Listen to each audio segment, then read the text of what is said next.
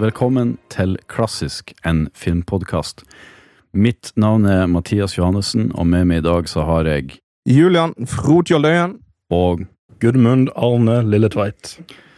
Yes. Eh, min bakgrunn i film, det er en bachelor i film- og TV-produksjon ved Universitetet i Bergen, og jeg går også en master i manusskriving på SAKT universitet.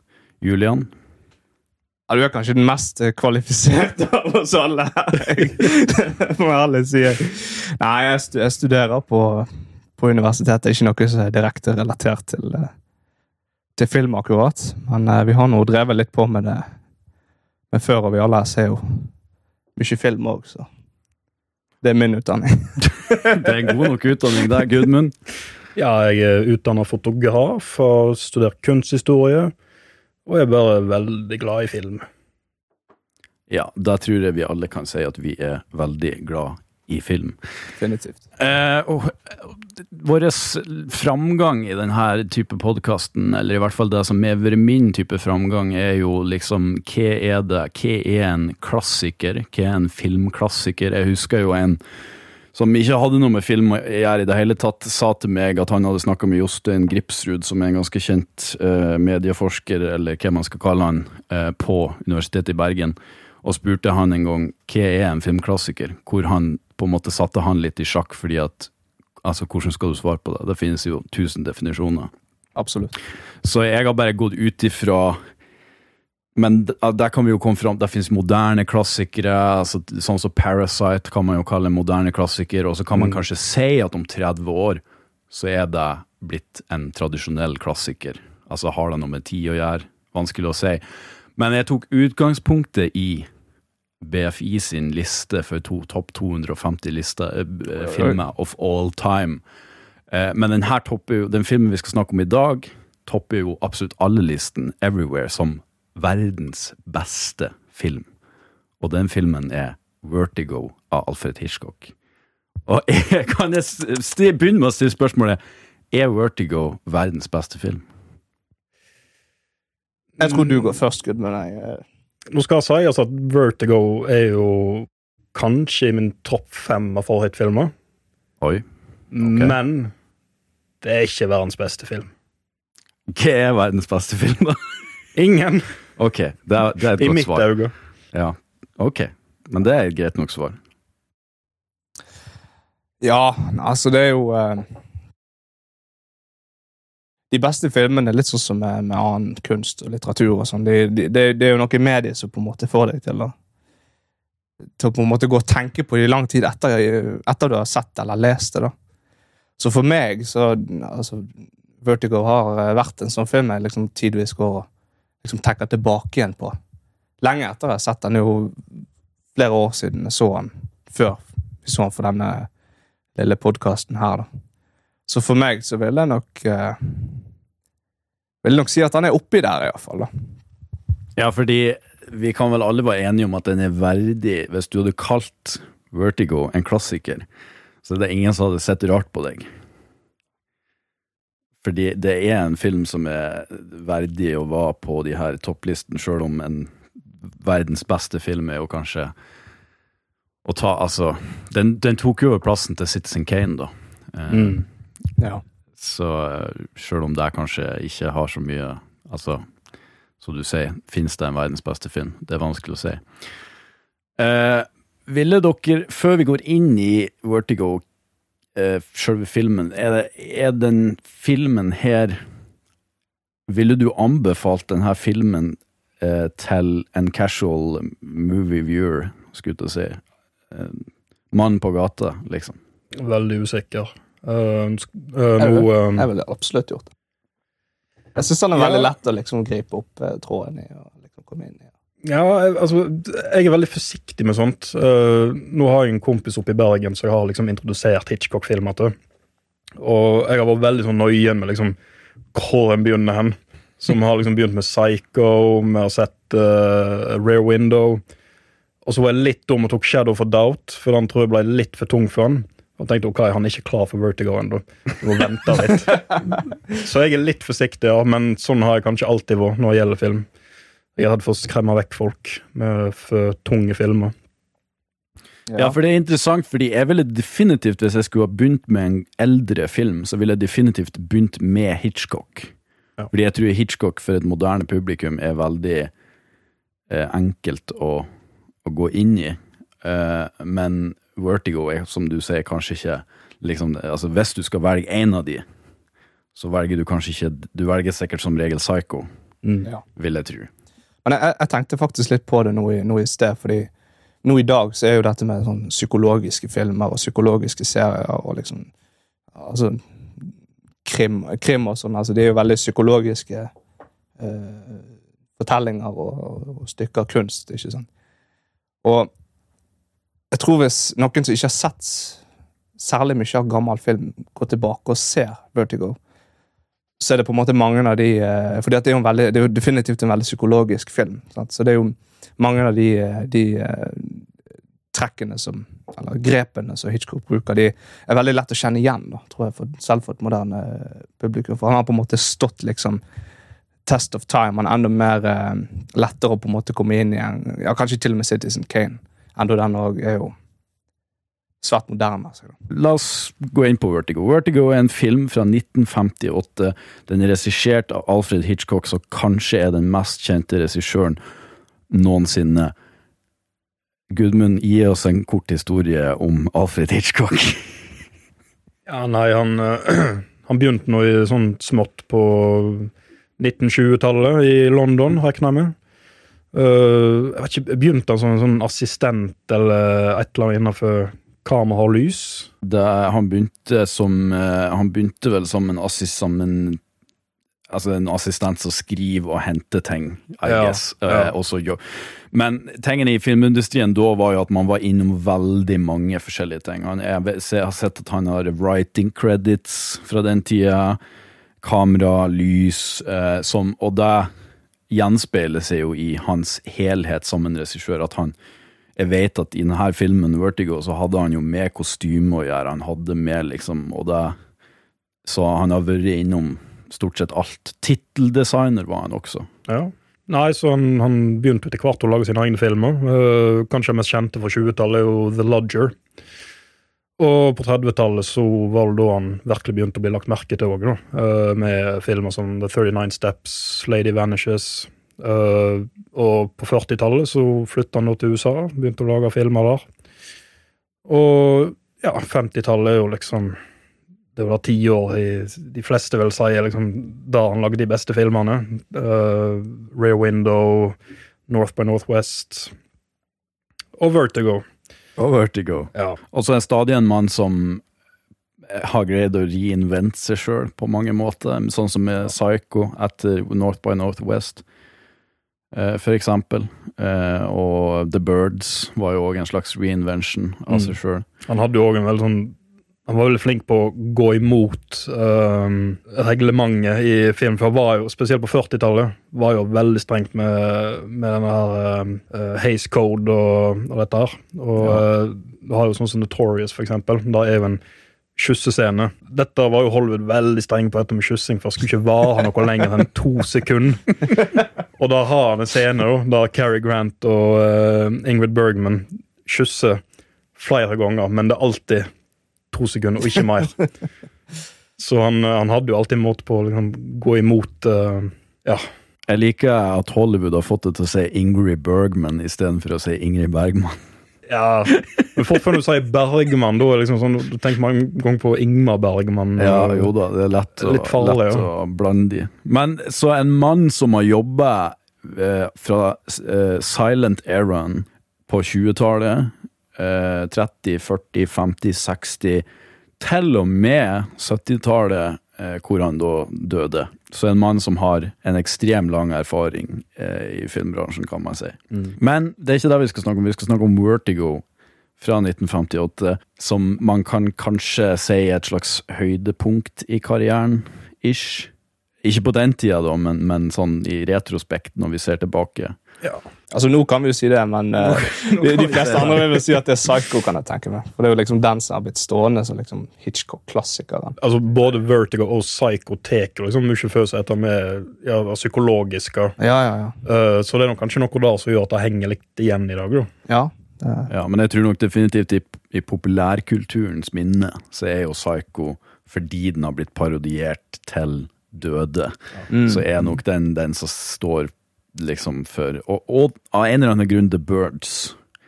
Bare fordi jeg tror den har så rart sånn type plott, ja.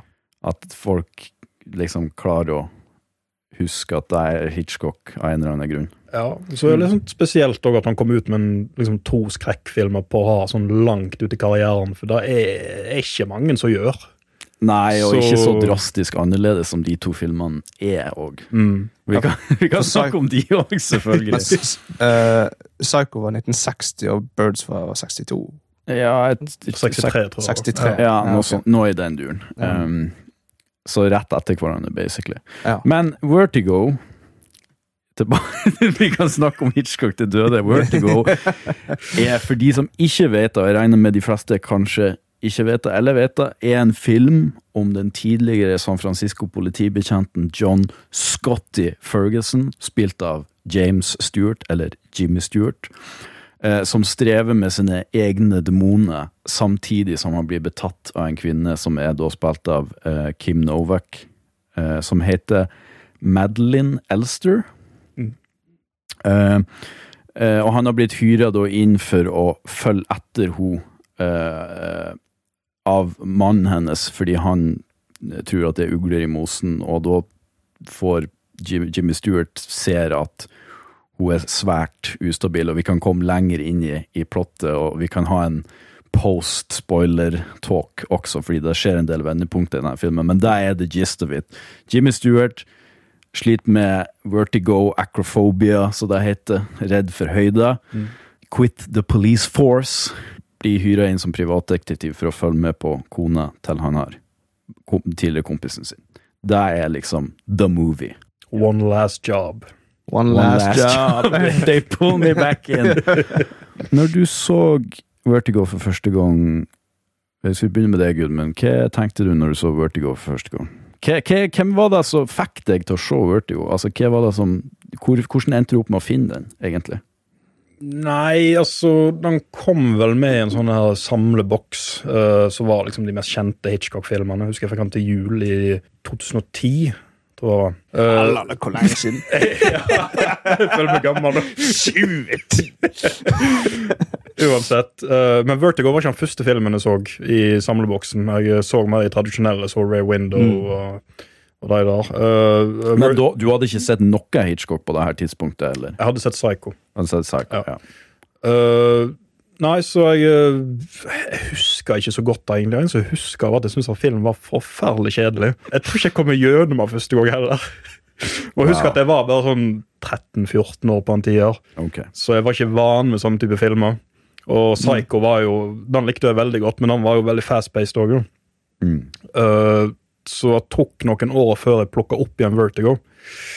Og når jeg så han da, så var jeg nesten så Jeg ble liksom dratt inn i en transe. Det var eh, Jeg, jeg klarte liksom ikke å ta øynene mine vekk fra skjermen. Mm. Uh, jeg gikk liksom og tenkte på filmen lenge etterpå. Og etter det så har liksom filmen bare sånn sakte, men sikkert begynt å bli liksom en av mine favoritter. og Ja, ja. og- Men det er noe jeg ser tilbake på. Veldig mange filmer som jeg ikke liker første gang jeg ser den. Det blir ofte favorittene mine i senere tid. Mm. Merkelig nok. Ja. Kanskje for at jeg ikke er moden nok, eller at jeg ikke var i rette modusen. ja. Det er ikke godt å si, men uh... Men det er definitivt noe med han, da, fordi altså, hvis man kjenner liksom Hitchcock ut ifra The Birds eller eh, Psycho, så, så er det på en måte ikke en sånn den type psykologisk thriller man, man på en måte forventer, da, kanskje. Det er jo en veldig sånn eh, altså, Du, Mathias, du nevnte jo når vi, når vi så han at eh, fordi at ganske tidlig i filmen så er det jo en relativt lang scene uten noe dialog eller noe, hvor han um, Stuart kjører etter hun. Og du nevnte at den scenen, eller de scenene var veldig sånn lulling. veldig sånn, uh, Hvordan kan vi egentlig oversette det godt? Veldig sånn Uh, Hyp, hypnotisk. Ja, egentlig. Han, han, jeg tror, han tvinger det inn i et tempo, Ja, rett og slett. ja. ja. For det, det er sånn òg Nå kommer jeg jo inn på en annen film her på mye nyere tid, men Drive sant, fra 2011 har jo òg en del sånn den type scener, da, som på en måte bare er kjøring gjennom gatene og veldig sånn rolige Eller rolig i den forstand at det ikke er dialog, da, det er jo musikk, da. Men i Vertigo er det jo ikke musikk i disse scenene her. Mm. Det er liksom kun Stuart som sitter bak rattet og liksom følger med bilen og kjører gjennom gatene, som er helt Altså, de gatene er jo der. De har liksom fulgt eh, hvordan gatene ligger i San Francisco. Det er jo veldig, veldig fint at de gjør det i den filmen. Ja, det er litt Um, mindre rear screen projection i Drive, da. Ja. Eh, Fordi det er jo på en måte Men- du, du ser jo det i Blu-ray-versjonen eller HD-versjonen nå, at, Ja. at, eh, at det er men, men det har jo sin sjarm, da. Ja, ja. Definitivt. Men altså, han, altså, Hitchcock bruker litt av samme effekten som han brukte i Rare Window. Alt du ser, er fra øynene til, til James Stewart. Mm. Og det er noe med at du, du blir liksom veldig sånn dratt inn i den type POV-filming òg. Det er jo ikke akkurat POV, men da han ser det, er du, det er da du òg ser. Du er veldig sånn Men det, begrensa. jo, men det er jo en del POV i filmen. Ja da. Ja. Ja. Men spesielt sånn som kjørescenene og når liksom hele tiden følger etter Kim Novak og sånt. Det er liksom, det er bare det han ser. Ja. Får aldri noe fra hennes perspektiv. Ja. Og, ja, det er og, og, det er jo, og dette bruker han veldig tidlig i filmen òg. Og det er nok noe med han effekten av at han på en måte drar deg inn. og Du er liksom James Stewart etter hvert. Uh, Ja. Du, du er liksom inni under, under hudet hans, og det er liksom, du klarer ikke liksom å rive deg ifra filmen, på en måte. Du, du har liksom, Nå er du sugd inn. Du, du kommer ingen vei. Ja, ja. Men det er jo veldig klassisk Hitchcock, det her med det voyeuren. Altså vi som publikum er, Ja. er en voyeur som skal eh, vi, vi- De folkene på skjermen har en hemmelighet eller flere hemmeligheter, og vi er liksom titter inn gjennom vinduet og ser hva de gjør, og liksom, og, og det er jo det er jo noe med oss å lage en film på den måten, fordi at da blir liksom ting som kanskje ikke er så stort, kan bli veldig mye større av at vi føler oss litt skjetten, kanskje Mm. av at vi driver og ser på skjettentøyet til J James Stewart, eller liksom, altså, for å sette på spissen, da, ikke bokstavelig talt, men, Mm. men vi, vi ser på en måte inn i hans dypeste, mørkeste tanker og følelser. ja, ja. La oss begynne fra begynnelsen, da. Første scene. Husker dere det? Mm. Første scene. Første shot, åpning, en stige. Det er jo eh, altså det, det, det er en sånn pangstart, som så, en kaller det. Ja, ja. Begynner jo rett på. Ja. Og det det er jo noe Altså, de fleste filmer fra en tid begynner ikke sånn. De begynner ofte veldig rolig, Mm. uh, og så bygger seg opp. Vertigo er liksom sånn bang rett på, uh, med action, da, kan du si. Uh, Og i tillegg så skal vi jo sette opp en, en kompleks lidelse i en karakter, og liksom en backstory til en karakter, og da skal vi ha på fem minutter. Fordi James Stewart og en fellow politifyr, de er på et tak, følger etter en skurk, vi vet ikke hvem de er for noen. De hopper over et tak. mm. James Stewart eh, detter ned og blir hengende på eh, en sånn eh, Hva er det man kaller det? En sånn Takrenne. Takrenne. Mm. Eh, og han, politimannen prøver jo selvfølgelig å hjelpe ham, men da finner jo James Stewart ut i det her øyeblikket, når han ser ned, at han har acrophobia, som da gir eh, For det er jo det liksom misconception at det heter ikke vertigo, det heter acrophobia, men det gir følelsen av vertigo, at du blir svimmel og lightheaded. og Et veldig dårlig tidspunkt å finne ut av det, for han fyren prøver å redde han, og så detter han ned og dør. Og da, og Ja, er liksom først han fem andre, minutter. han andre politimannen, altså. Ikke, ikke, ikke James Stewart. Han andre politimannen. Og, og da er det liksom Og det, det er liksom the past, og så bang, nå er vi i the present, hvor James Stewart ser tilbake på denne hendelsen og reflekterer med eh, sin tidligere forloved, som heter Marjorie Midge Wood. Jeg tror ikke det navnet blir nevnt noen gang, men det er det hun heter. Jeg sjekker det opp. Og da, altså, en, en vanlig film ville jo brukt hele filmen, egentlig, på å forklare den her Altså, liksom Vise hvordan han får vertigo, eller nei, får acrophobia, eller sånn. Men her Hitchcock, det er på en måte ikke det viktige her. Det, vi skal bli ferdig med det, liksom. Mm. Vi skal bare sette det opp veldig fort. Så det tror oss jo litt off, I guess. Eh, Rent sånn, fordi det, ok, det er ikke det filmen handler om. Eller det er bare en liten del av det. Mm. Denne høydeskrekken, da, for å bruke norske ord eh, Altså den vertigoen han får, eller den svimmelheten, den er jo, eh, sånn som jeg tolker det, han egentlig Altså Det er jo først og fremst viktig for, for twisten da, som skjer senere i filmen. Som vi ikke skal snakke om helt annet. Nei, jeg tror ikke vi Men, tar det eh, helt ennå. Men det er jo òg en slags sånn eh, altså svimmelheten og, og spiral. Altså det, det er jo en eh, Jeg vet ikke, hvordan, hvordan kan vi snakke om det uten å begynne å spoile hele Men det er, jo, filmen? altså, vi kan, det er jo et symbol ja, altså på, det, på altså, det er jo Altså, filmen er jo egentlig Det som jeg egentlig skulle fram til, i at den første scenen i filmen Det er egentlig ikke den første scenen i filmen. Nei. Fordi Hitchcock har gjort noe veldig lurt her, som jeg begynte å tenke på når jeg så den her opp igjen i dag morges. Og det er det at allerede i tittelsekvensen så har han fortalt oss alt. Fordi i tittelsekvensen så har vi mus main-motivet musikkmessig, som er det her vertigo-motivet, og så har vi spiraler. Alt i tittelsekvensen er spiraler, og liksom Og det er jo det hele filmen er. Det er en spiral nedover. akkurat. Akkurat som Vertigoen til James Stewart. Eh, altså, det er jo en tragedie, ikke sant? Så alt fra begynnelsen så går ting bare nedover. Ja, ja, ja. Men, men det er jo det som er viktig. altså Det er jo en grunn til at filmen ikke heter uh, hva det er, ak- Akrofobia. Ja. Det er et veldig dårlig navn på en film. Hva heter den nye filmen? Det? Høydeskrekk. ja, det er ikke verdens beste navn.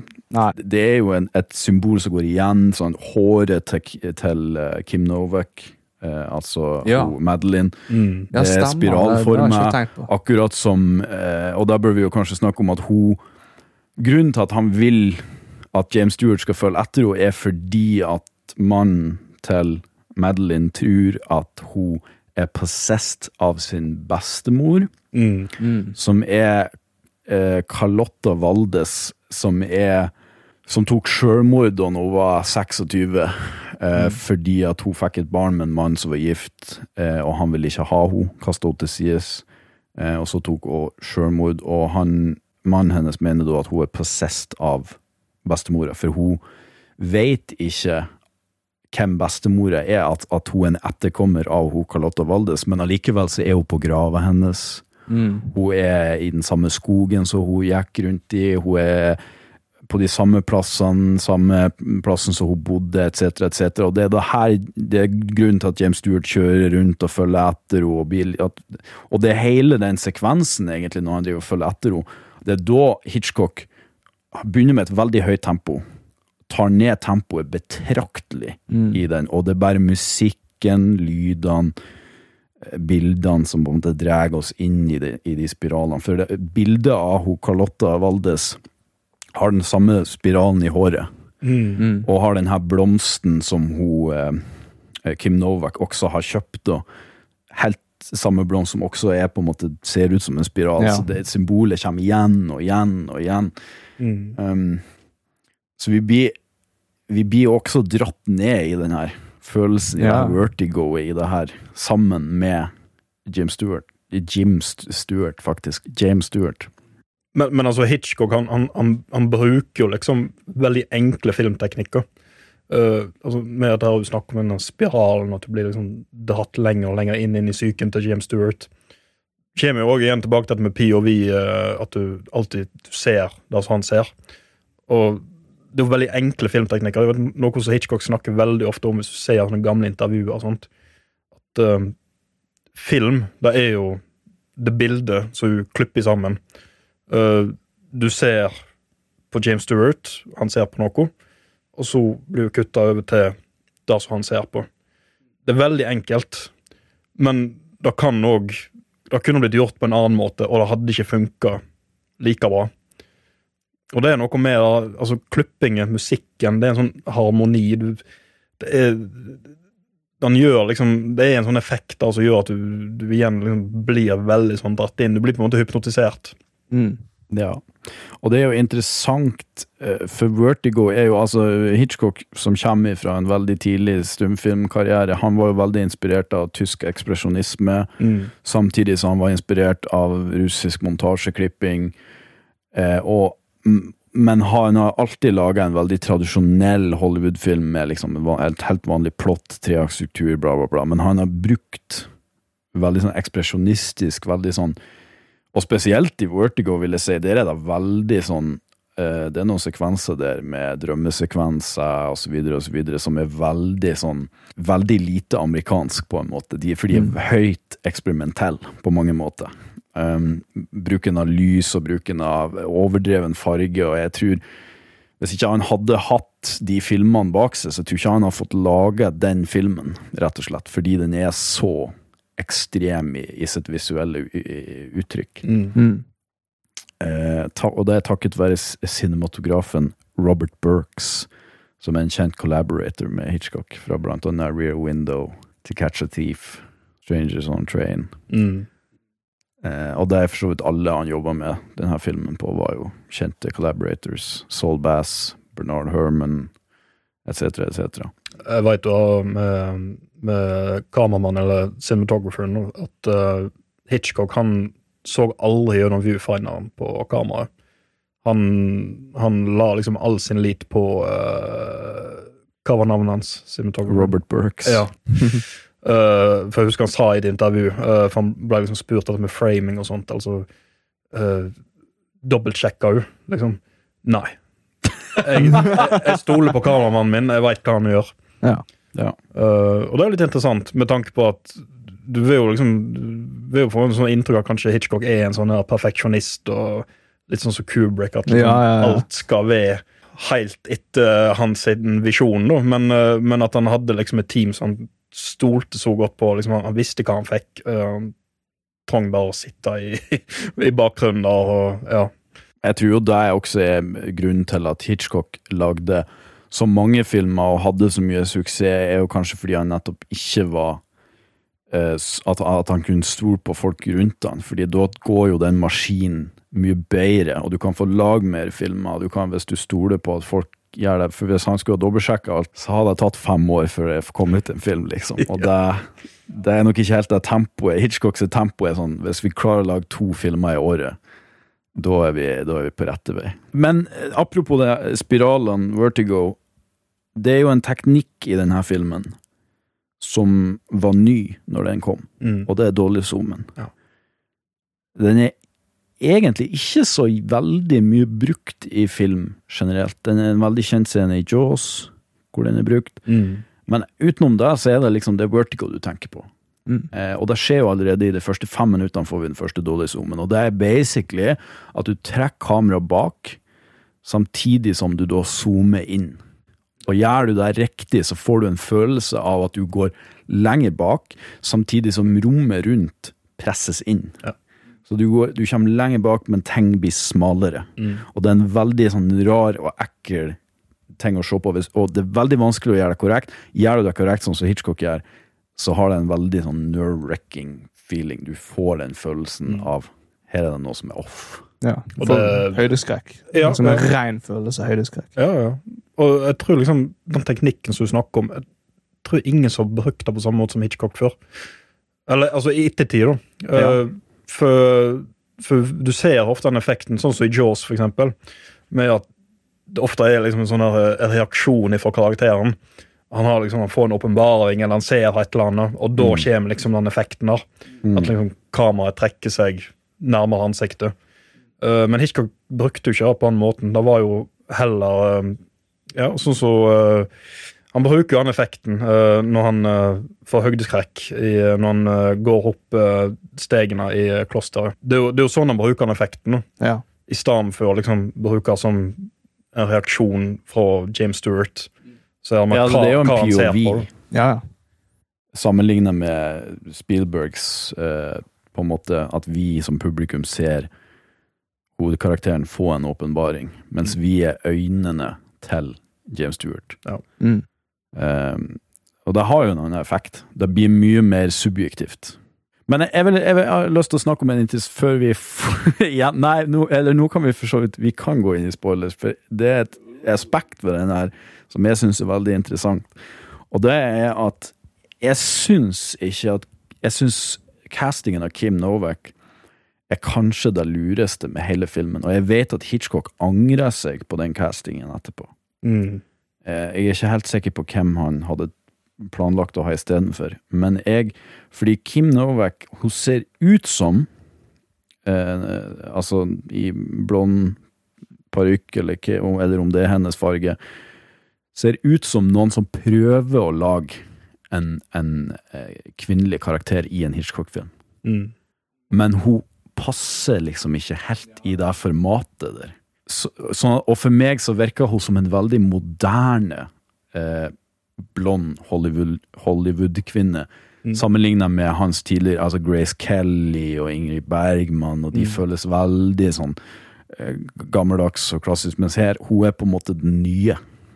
Den nye Hollywood-kvinnen. Og det, jeg vil jo også påstå det her er kanskje den mest personlige filmen til Hitchcock, for jeg føler at James Stewart er Hitchcock. I det at han prøver å Hitchcock er veldig kjent for å prøve å manipulere sine female leads. Mm. Få de til å være sånn som han, han vil at de skal være, ydmykt i. Og, altså Hadde Hitchcock vært i live i dag, så hadde det vært 10 000 metoo-saker på han, det er ingen tvil om. Eh, og her viser han egentlig sitt svakeste med at jeg er James Stewart, og jeg prøver å forme denne kvinnen til å være sånn som jeg vil. Mm. Og ironisk nok så var også altså Kim Nova kom med sine egne klær, sine egne, og Hitchcock sa nei, du kan ikke gå med det, du må gå med sånn og sånn og sånn, du må kle deg sånn og sånn og sånn. Ironisk nok fordi at Og nå kommer vi til spoilers, så you know, hvis du har lyst til å se denne filmen, gå og se filmen, og så kan vi, snak, og så kan vi komme tilbake igjen. Filmen har vært ute i mange tiår, hvis jeg ikke har sett den, så Men det er jo hele poenget med det her. Er det her en film eh, som vi kan anbefale Altså en casual viewer? Fordi altså, Hvis du liker film, så har du mest sannsynlig sett Where to Go. Det er det jo ingen tvil om. ja. Eh, har du ikke det, så vil jeg jo Jeg vil jo anbefale, selv om Vertigo ikke er min personlige favoritt av Hitchcock, så vil jo jeg fortsatt anbefale å se den. Kanskje ikke begynn med Vertigo, men definitivt work your way there. mm. Mm.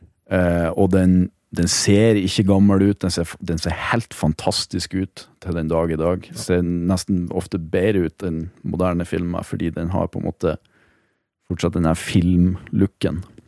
Og han er ikke svart-hvitt. Og den er ikke Han er det er masse farger. farger! Masse så mye farger. Eh, så det er absolutt verdt å ta en titt. Men ok, for hva skjer midt i filmen? Kim Nowak, da, som er Madeline, hun prøver å ta livet sitt. Mm. Hun hopper ut i The San Francisco Bay med fine Golden Gate Bridge i bakgrunnen, og James Stewart redder henne. Mm. Uh, og det her er første gangen de altså, møtes, i den forstand at de har en interaksjon. For han har jo stalka henne hele veien, men nå møtes de. Og så har de en slags et moment, kan du si. Eh, det er jo litt rart, for han har jo nettopp prøvd å redde henne når hun har prøvd å tatt livet sitt. Men de, de, det begynner å skje ting med James Stewart. Eh, og så forteller hun han senere om en drøm hun har, om et kloster som har med Carlotta Valdes å gjøre. De drar til klosteret, og hun sprenger oppover klostertrappen og hiver seg sjøl utfor klostertaket. Og selvfølgelig, James Stewart sliter jo med å klatre opp de her trinnene fordi han har vertigo. Ja. Ser stadig ned og blir truffet av høyden. Og det er på en måte det store vendepunktet. Den kvinnelige hovedkarakteren dør.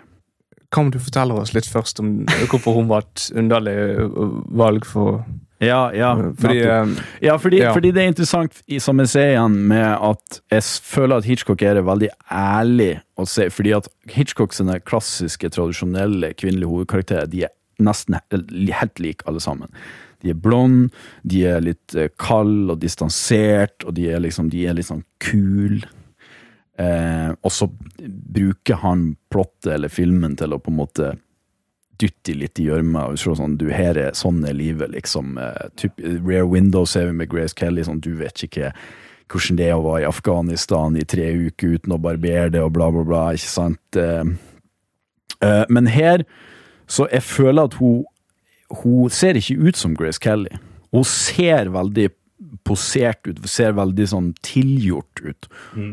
Og han møter jo en ny kvinne etter at Madeline er død, som ser helt lik ut, bare at hun er brunette, hun har mye røffere øyenbryn, eh, mye mer sminka til, mye mer røff. Og da, da, hun, da ser Kim Novak på en måte mer ut i sitt rette element, hvis du skjønner. Altså, da er hun på en måte Hun, hun er krass, og, hun, når, og når James Stewart prøver å nærme seg, fordi at han tror jo selvfølgelig at kan det her være Madeline, um, så er hun veldig sånn eh, rejecting og avvisende, og jeg, jeg føler på en måte at det det, det føles ut som Hitchcock prøver å si at liksom når jeg har formet kvinnfolket sånn som jeg vil, så, så er hun perfekt, og du er akkurat sånn som jeg vil, men med en gang det er en real kvinne Fordi det her viser seg jo være den ekte Madeline, eller som hun heter, hun heter for um, Judy,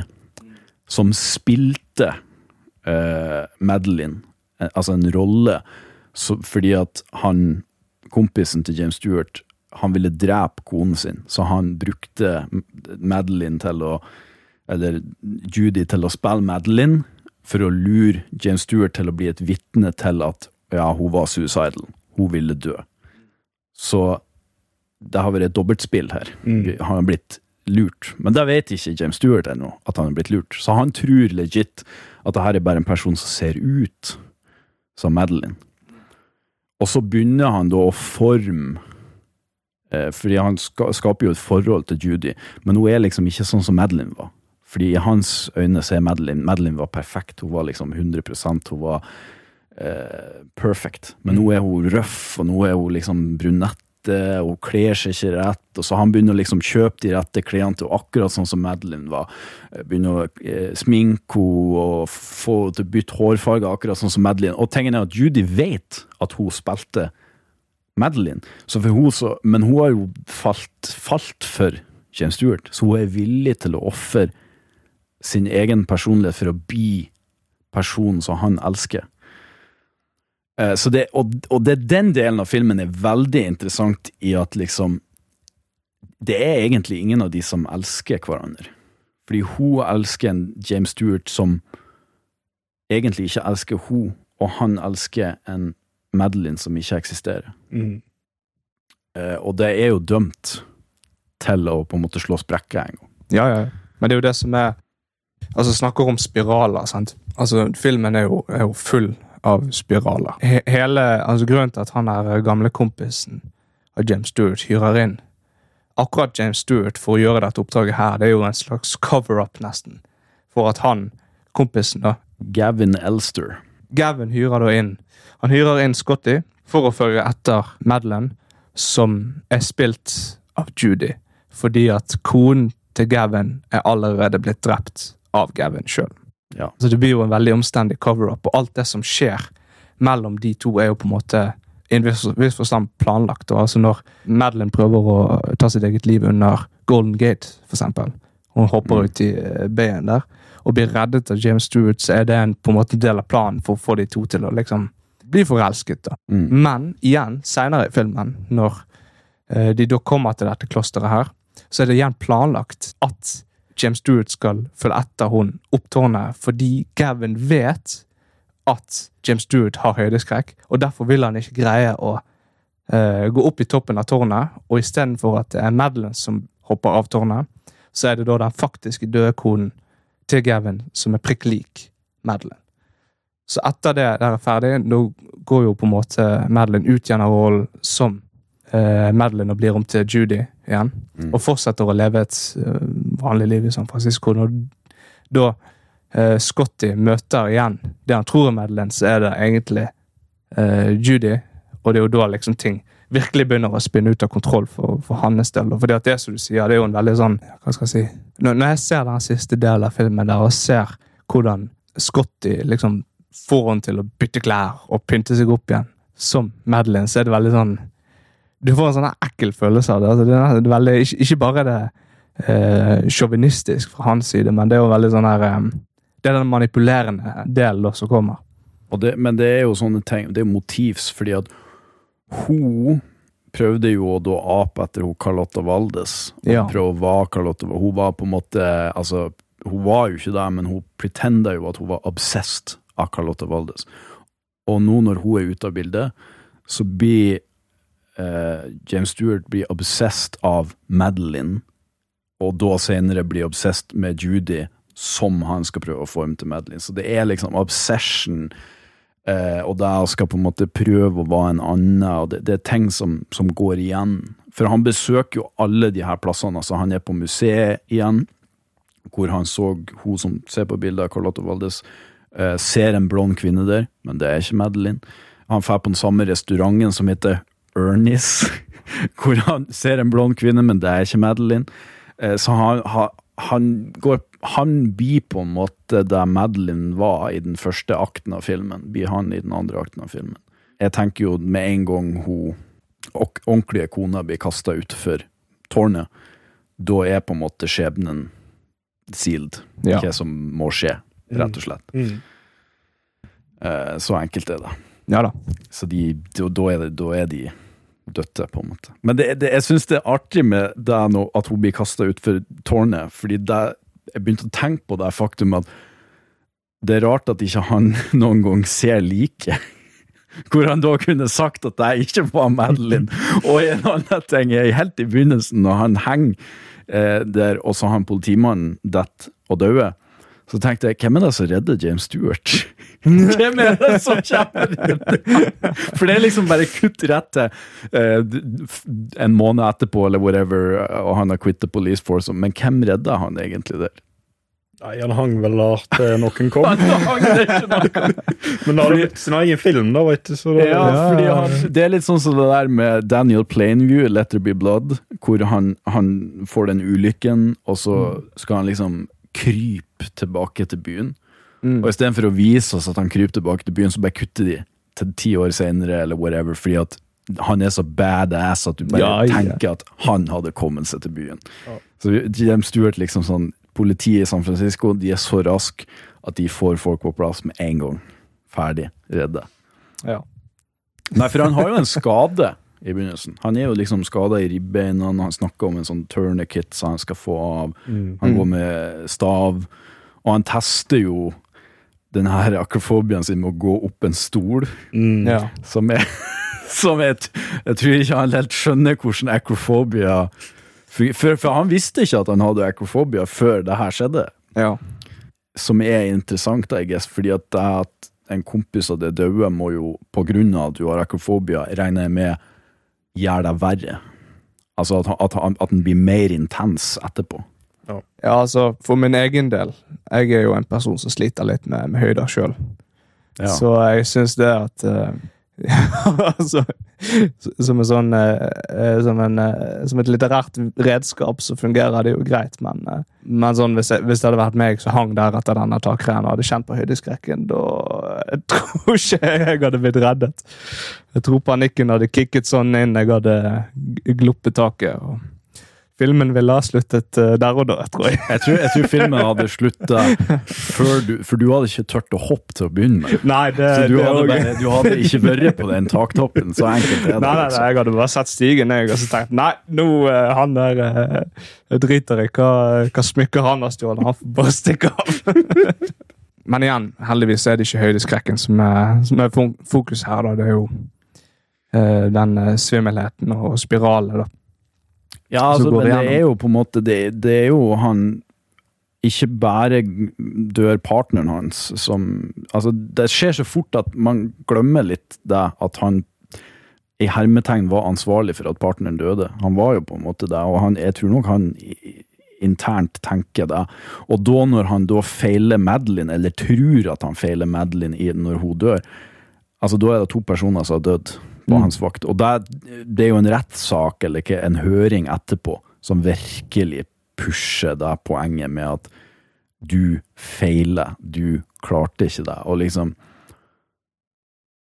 det, Jeg tror nok at Judy føler på en del skyldfølelse etterpå, fordi at hun gjorde så Altså måtte gjøre så James Stewart føler seg sånn som For altså, han har jo ikke drept noen. Nei. Men altså, Jesus Christ, å gå med to lik på eh, rundt omkring med deg, det er ganske tungt, tror jeg. Mm. Mm. Eh, så det, det, og, men det er jo hele det psykologiske aspektet med filmen. Mm. Det er jo det alt går ut på, egentlig. Eh, og som sagt, det her med manipulasjon eh, Jeg tror jo igjen at James Stewart og Hitchcock er samme person, og han driver og kler henne om, og eh, det er på en måte Og men det vi har glemt å snakke om, det er jo også den, den forloveden Ja. som James Stewart har. Jeg skulle faktisk nevne det i sted, for det er jo veldig Eh. rart at, det at de, de var forlovet en gang, men nå har de liksom det der forholdet de har.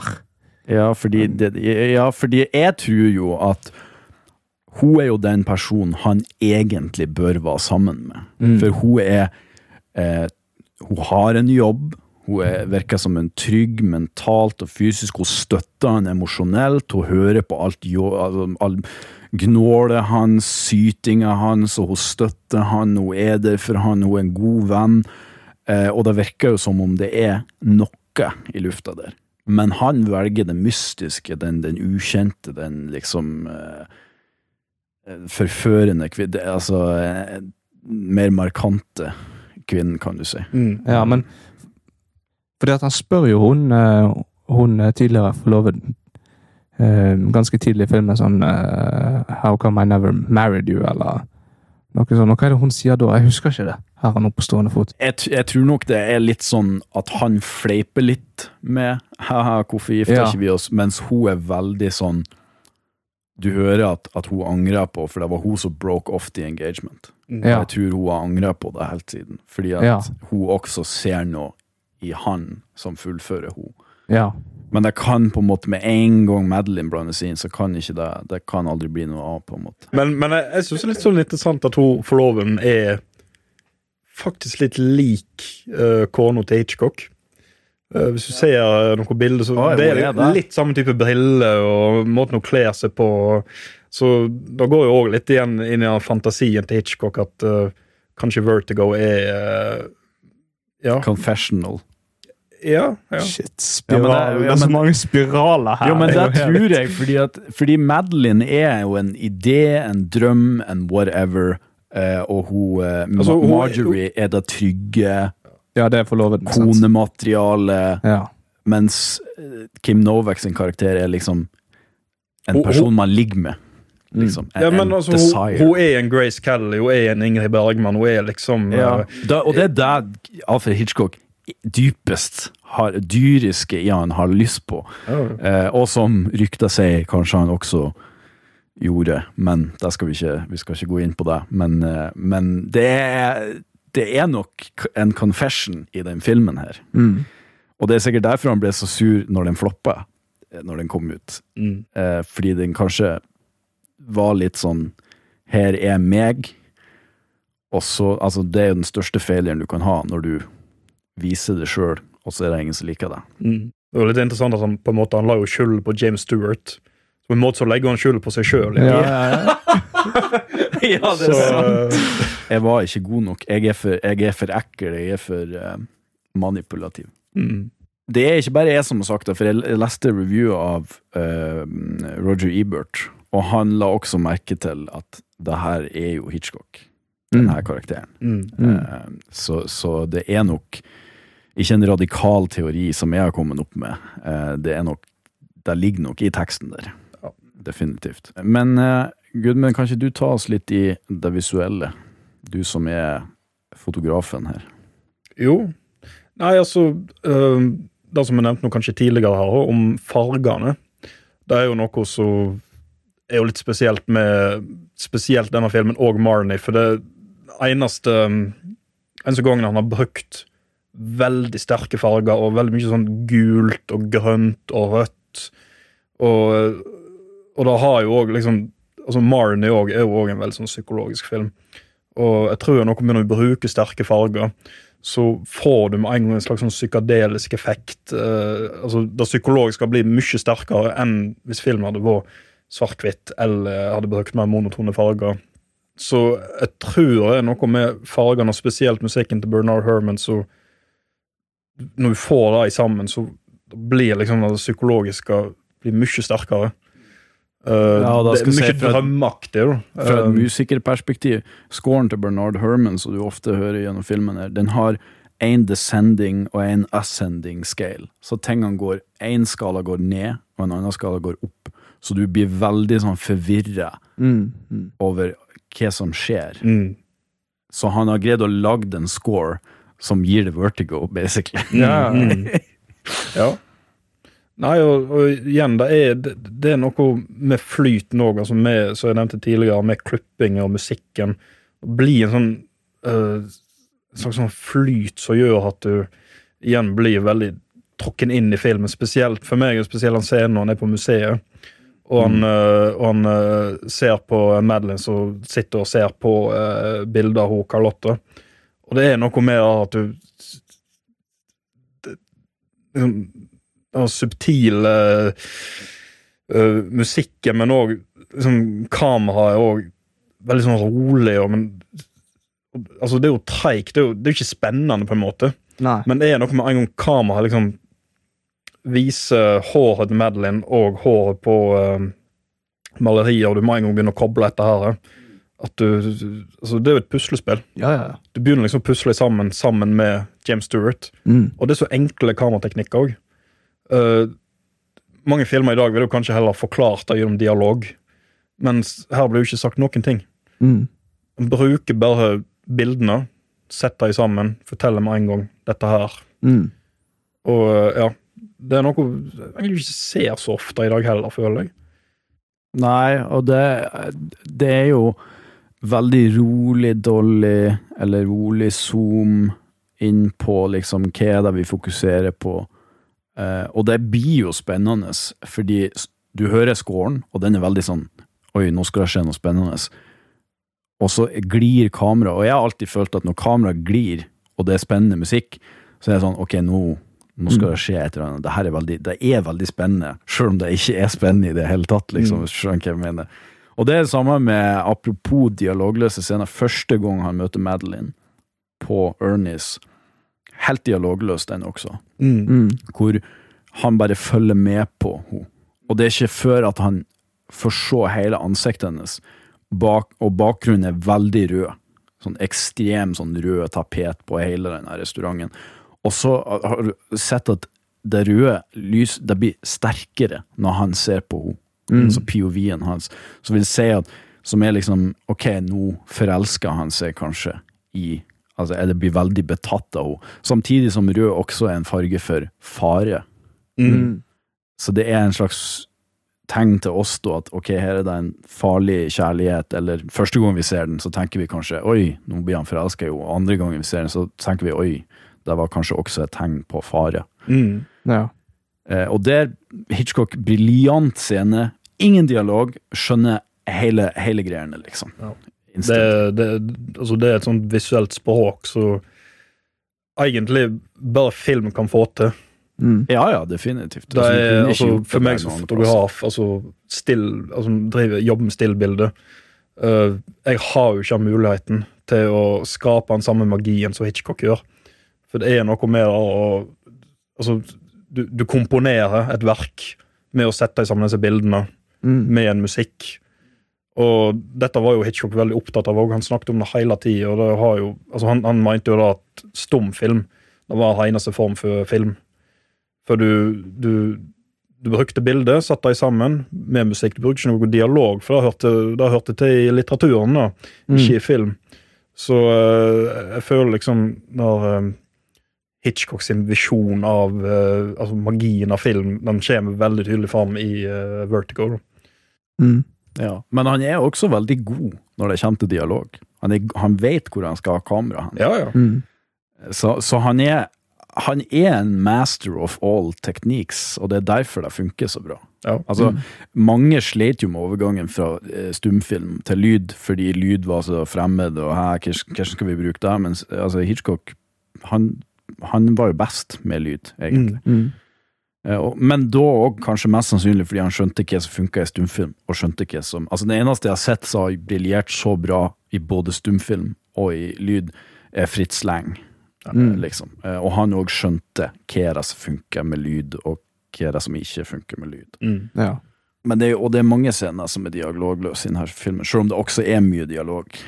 Ja. Det er jo ganske sånn heavy temavis. Altså liksom guilt og obsession og liksom ting. Ja. Men, men det, allikevel så er det ikke sånn overforklaring. Litt sånn som kanskje noen syns i Psycho, at det er litt sånn overforklaring på slutten. Mm.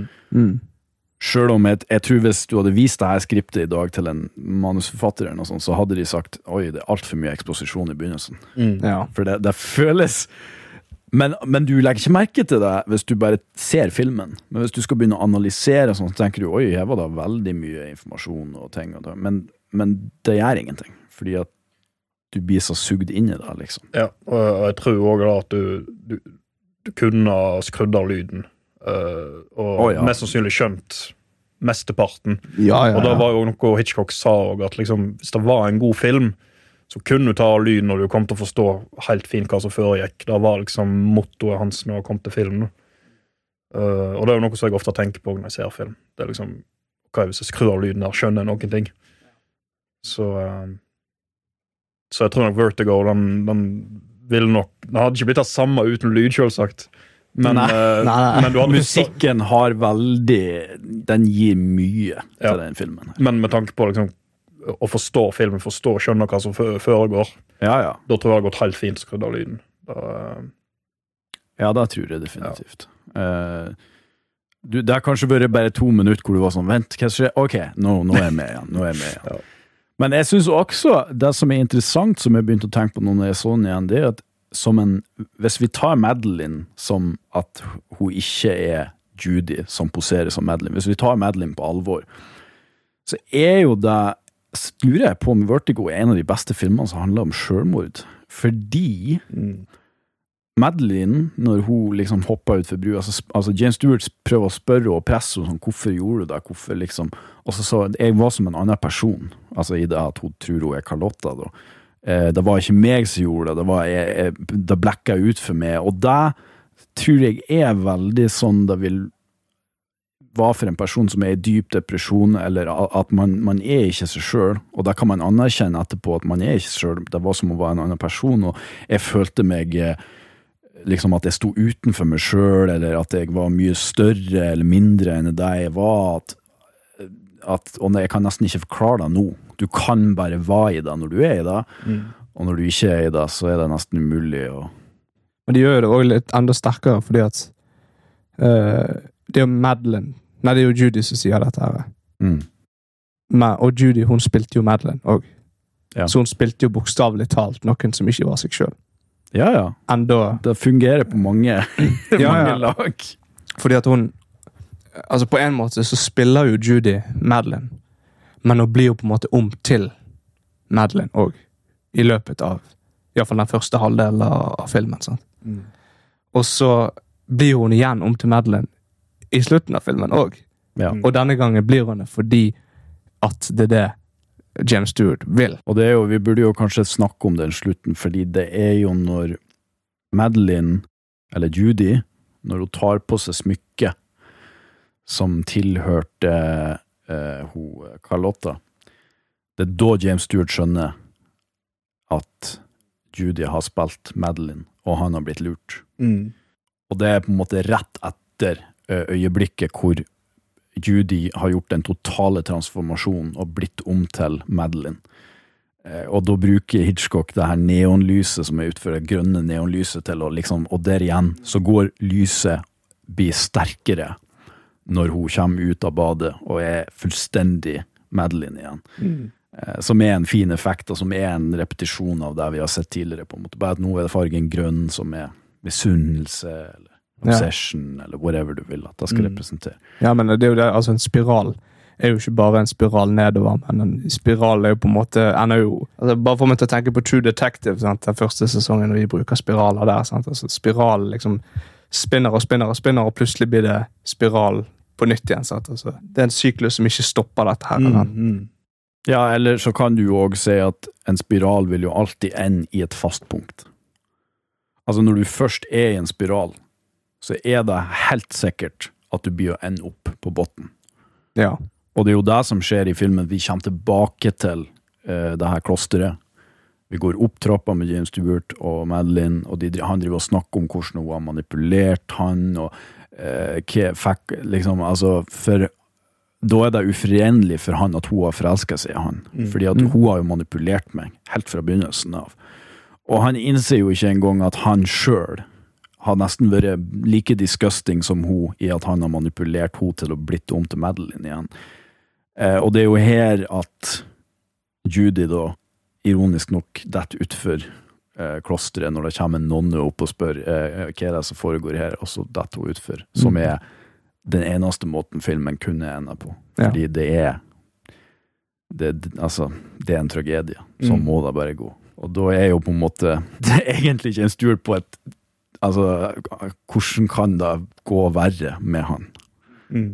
Han har gått på akkord med seg sjøl, og han har endt opp med å ja, kåse den her ulykken eh, for Judy. Eh, så jeg ser jo ikke akkurat noe happy days for James Stewart etter det her. Jeg vil jo tro at oppfølgeren hadde bare vært han som drikker seg Sanakas og hopper ut for Golden Gate. da må jo en sånn. For jeg vil jo, jeg vil jo påstå at han også kanskje er deprimert i den filmen, selv om det ikke er like tydelig. Altså, altså, Mm. altså Han blir deprimert når han kompi, eller politimannen dør, Mm. men så får han den her nye detektivjobben, og så får, ser han jo selvfølgelig Madeline og blir jo hodestups forelska i henne, og da det gir han ny energi, på en måte. Og så Mm. blir det tatt ifra han, og liksom, altså, du, du ser jo hvordan det bare crushe, og han er jo et helt uskyldig offer i det her, og han er, kompisen hans er jo Altså, for et grusomt menneske å manipulere en tidligere kompis til det. Men det er jo igjen altså Dial M for murder er jo nesten samme plottet, egentlig. Altså, det er en venn eller en tidligere venn som spør en annen du kan du drepe kona mi. Altså, det er så mange filmer Alfred Hitchcock handler om kan du drepe kona mi, Mm. folk som manipulerer hverandre. Altså, det du altså, ne, altså, han har nesten lagd den samme filmen igjen og igjen og igjen og igjen. Altså, han bruker ofte litt sånn det som kalles for sånn her snøballeffekt. At det, liksom, det begynner veldig smått, men så triller han nedover og blir større og større. Ja. Eh, og det er liksom Sånn som North by Northwest, for eksempel. Det er jo sånn Begynner veldig smått, men blir jo bare mer og mer komplisert, og uh, skjønner liksom ikke helt uh, hva, hva faen er det går. Og det er òg en film som liksom Altså, den Sabotage er helt lik North by Northwest, og uh, How to 39 Catch a Steps. Thief på en måte, og liksom Mm. Altså, det ting som går igjen. Og likevel så føles de ikke ut som den samme filmen, på en måte. Så jeg skjønner ikke hvordan han greier å basically la den samme filmen, og likevel så er det så engaging og så bra, liksom. Kanskje han har eh, lang erfaring i å plotte til å få noen til å drepe sin egen kone. Nei, men altså, det, det å det er jo nesten en det varsellampe, dette her. Det er sånn- real. Nei, men altså, han, han, er jo flink på å liksom mikse litt med, med sjanger og sånt. Altså sånn så, eh, s- eh, 39 Steps, det er jo basically en spionthriller. Uh, North by North, Northwest er jo en slags Det er jo for så vidt en spionthriller der òg, Ja. men litt mer på sånn Litt mer komedie, litt Ja. lettere. Eh, mens Vertigo er jo den er jo mye tyngre, for han går mye mer psykologisk til verks. Så han, han, han, han, han sjonglerer jo med flere sjangre. da. Så selv om man bruker liksom samme plottet, så, så er liksom det, det er en ny location, nye karakterer, det er en ny tematikk, men fortsatt eh, samme struktur. Ja, for jeg tror det der med tematikk er kanskje noe av det viktigste som gjør at de er forskjellige. Fordi, de har en, fordi når tematikken er annerledes, og, måte, og da blir jo på en måte fokuset annerledes i liksom hvilke teknikker skal vi bruke, hvordan settdesign skal vi bruke, og da føles filmen annerledes ut. Altså Rear Window det er en sånn voyeur-film hvor vi er liksom med og ser inn i leiligheten. Den føles annerledes ut, og Vertigo er liksom Den er veldig tung og veldig trist. Og jeg Mm. ville definitivt ikke anbefalt noen som var langt nede å se Vertigo, for det, det er vel kanskje Hitchcock sin mest deprimerende film. Jo. Ja, Hvis jeg, ikke jeg syns Marnie òg er ganske deprimerende. Jo da. uh, Og Psycho, for så Men Psycho har jo en slags Altså, den er jo såpass Litt annen avenue, kan man si. ja, altså enda bra òg, i, i motsetning til Vertigo. Ja, for Vertigo Ja. er mer det, det føles ut som sånn Ikke det, altså det er jo et ganske sånn crazy plot, men det føles mer ut som det her kunne ha skjedd. Eh, I, ikke det at alt er plottet, men depresjon, obsession, alt det der kan skje med vanlige folk. Mm. Det er veldig få Norman Bates i verden, men det er nok veldig mange Scotty Ja. i verden, og det er nok veldig mange Medal eller Judys i verden. Ja, Mm. det er liksom noe at Du føler liksom ikke på slutten av filmen at, uh, at du har fått en konklusjon. Uh, altså, det er jo greit, du, du har jo fått en forklaring på, uh, på hvordan ting har foregått, da. Men, men du, du, får jo òg inntrykk av at liksom, livet til Jimmy går jo videre. Uh, det er liksom det, det, det stopper ikke der. Du får liksom ikke en sånn tradisjonell slutt, sånn som vi gjør med veldig mange andre Hollywood-filmer. Mm. Så liksom, ja blir jo mer sånn kobla til med depresjon òg, at du, du blir liksom værhand i kjelleren, og du, du kommer ikke ut av det. Ja. Uh, sammen liksom med denne filmen her, at du får liksom ikke en skikkelig slutt. Mm. Så uh, ja. Og det er jo derfor jeg tror den her fortsatt er relevant og kommer til å være relevant, er at den dealer med såpass fundamentale ting. Ja. Såpass helt sånn menneskelig uh, Altså, vi har Jeg er sikker på at alle har vært obsessed med en kvinne eller en mann, eller whatever your preference er. Alle har eh, hatt en dårlig dag på jobben. Altså, alle har gjort en kjempetabbe, kanskje, eller de har forelska seg i feil person, eller de har en venn som de egentlig tenker de burde ha vært sammen med, eller de, har- de er langt nede i hølet. Altså, alle de tingene. Mm. Eh, alle har kanskje kjørt rundt med, målløst. Eh, altså stått under Golden Gate Bridge. Altså Ja. så mange symboler, så mange liksom ting som, som går igjen, og som og, Ja. det, og det er derfor jeg tror det den vil fortsette å være en klassiker. uh, throughout the ages. altså, så, så lenge det finnes triste folk i verden, så vil nok alltid uh, Vertigo eh, være en uh, relevant film, kanskje. Ja, det vil jeg absolutt tro. Ja, altså føler jeg den fungerer på to nivåer, som de beste Steven Spielberg-filmer også kanskje gjør, eh, i at alle Hitchcock-filmer har et su sånn superbra og relativt enkelt plott. Dette er kanskje en av de mer komplekse plottene, men de er veldig sånn standard, liksom. Det er en morder, eller det er en ditten, eller det er en datten. Men så har det som gjør Hitchcock så bra, det er at han tar de her tingene som er sånn pulp, nesten, fiction, eh, ikke filmen, men Sjanger. sjangeren. Eh, og så elevater han det noe ekstremt med måten han lager filmen på, og liksom og det at han gir deg et sånn der eh, psykologisk eller overnaturlig eller filosofisk aspekt. Og det Altså, Så han Så for de som bare vil bli entertained, så fins det noe i Hitchcock. For de som har lyst på noe mer, som har lyst på eh, store spørsmål eh, om hvem vi er og hvor vi skal, og bla, bla, bla, så finnes det også i Hitchcock. Og det er liksom sånn som i Jaws, vil jeg si òg. Altså Spielberg er jo veldig inspirert av Hitchcock. Eh, og i hans beste filmer så har han òg det elementet av Det er noe mer enn bare plottet der. For plottet i Jaws, hvis du ser på det, så er det jo ridiculous. Men hvis du ser filmen og føler filmen, så er det noe mer der. Mm, absolutt. Det, det er elevata av det at det er film, rett og slett. Og det er det jeg tror du kan oppsummere Vertigo med. Hadde du lest Vertigo, for det er jo en novelle, egentlig, så tror jeg den hadde vært veldig sånn Å ja, ok, ja, kast deg. Neste novelle. Mens nå når det er en film, og Hitchcock elevater deg til til et nytt nivå Det er Vertigo er en klassiker. Det er vel verdt din tid. Det er vel verdt tittelen som klassiker. Er det verdens beste film? Who knows? Hvem bryr seg egentlig? Hvem bryr seg egentlig? Det er ikke Men det som er poeng. Nei, men det nei, nei, nei. jeg syns det er litt passende at de kaller det det, siden den basically er I 2022 så tror jeg det er 64 år siden filmen kom, og når filmen kom, så var det ca. 66 år siden filmhistorien begynte. Så Mm. den er på en måte en slags perfekt midtpunkt av filmhistorien Mm. hvor folk kan se tilbake til, på den og se alle de tingene som den har eh, influenset. Og man kan også se på den og se alle de influensene som kommer fra 20-tallet, fra 30-tallet, fra 40-tallet. Så basically den perfekte syntesen av alt som er film. Show Vertigo. Takk for oss.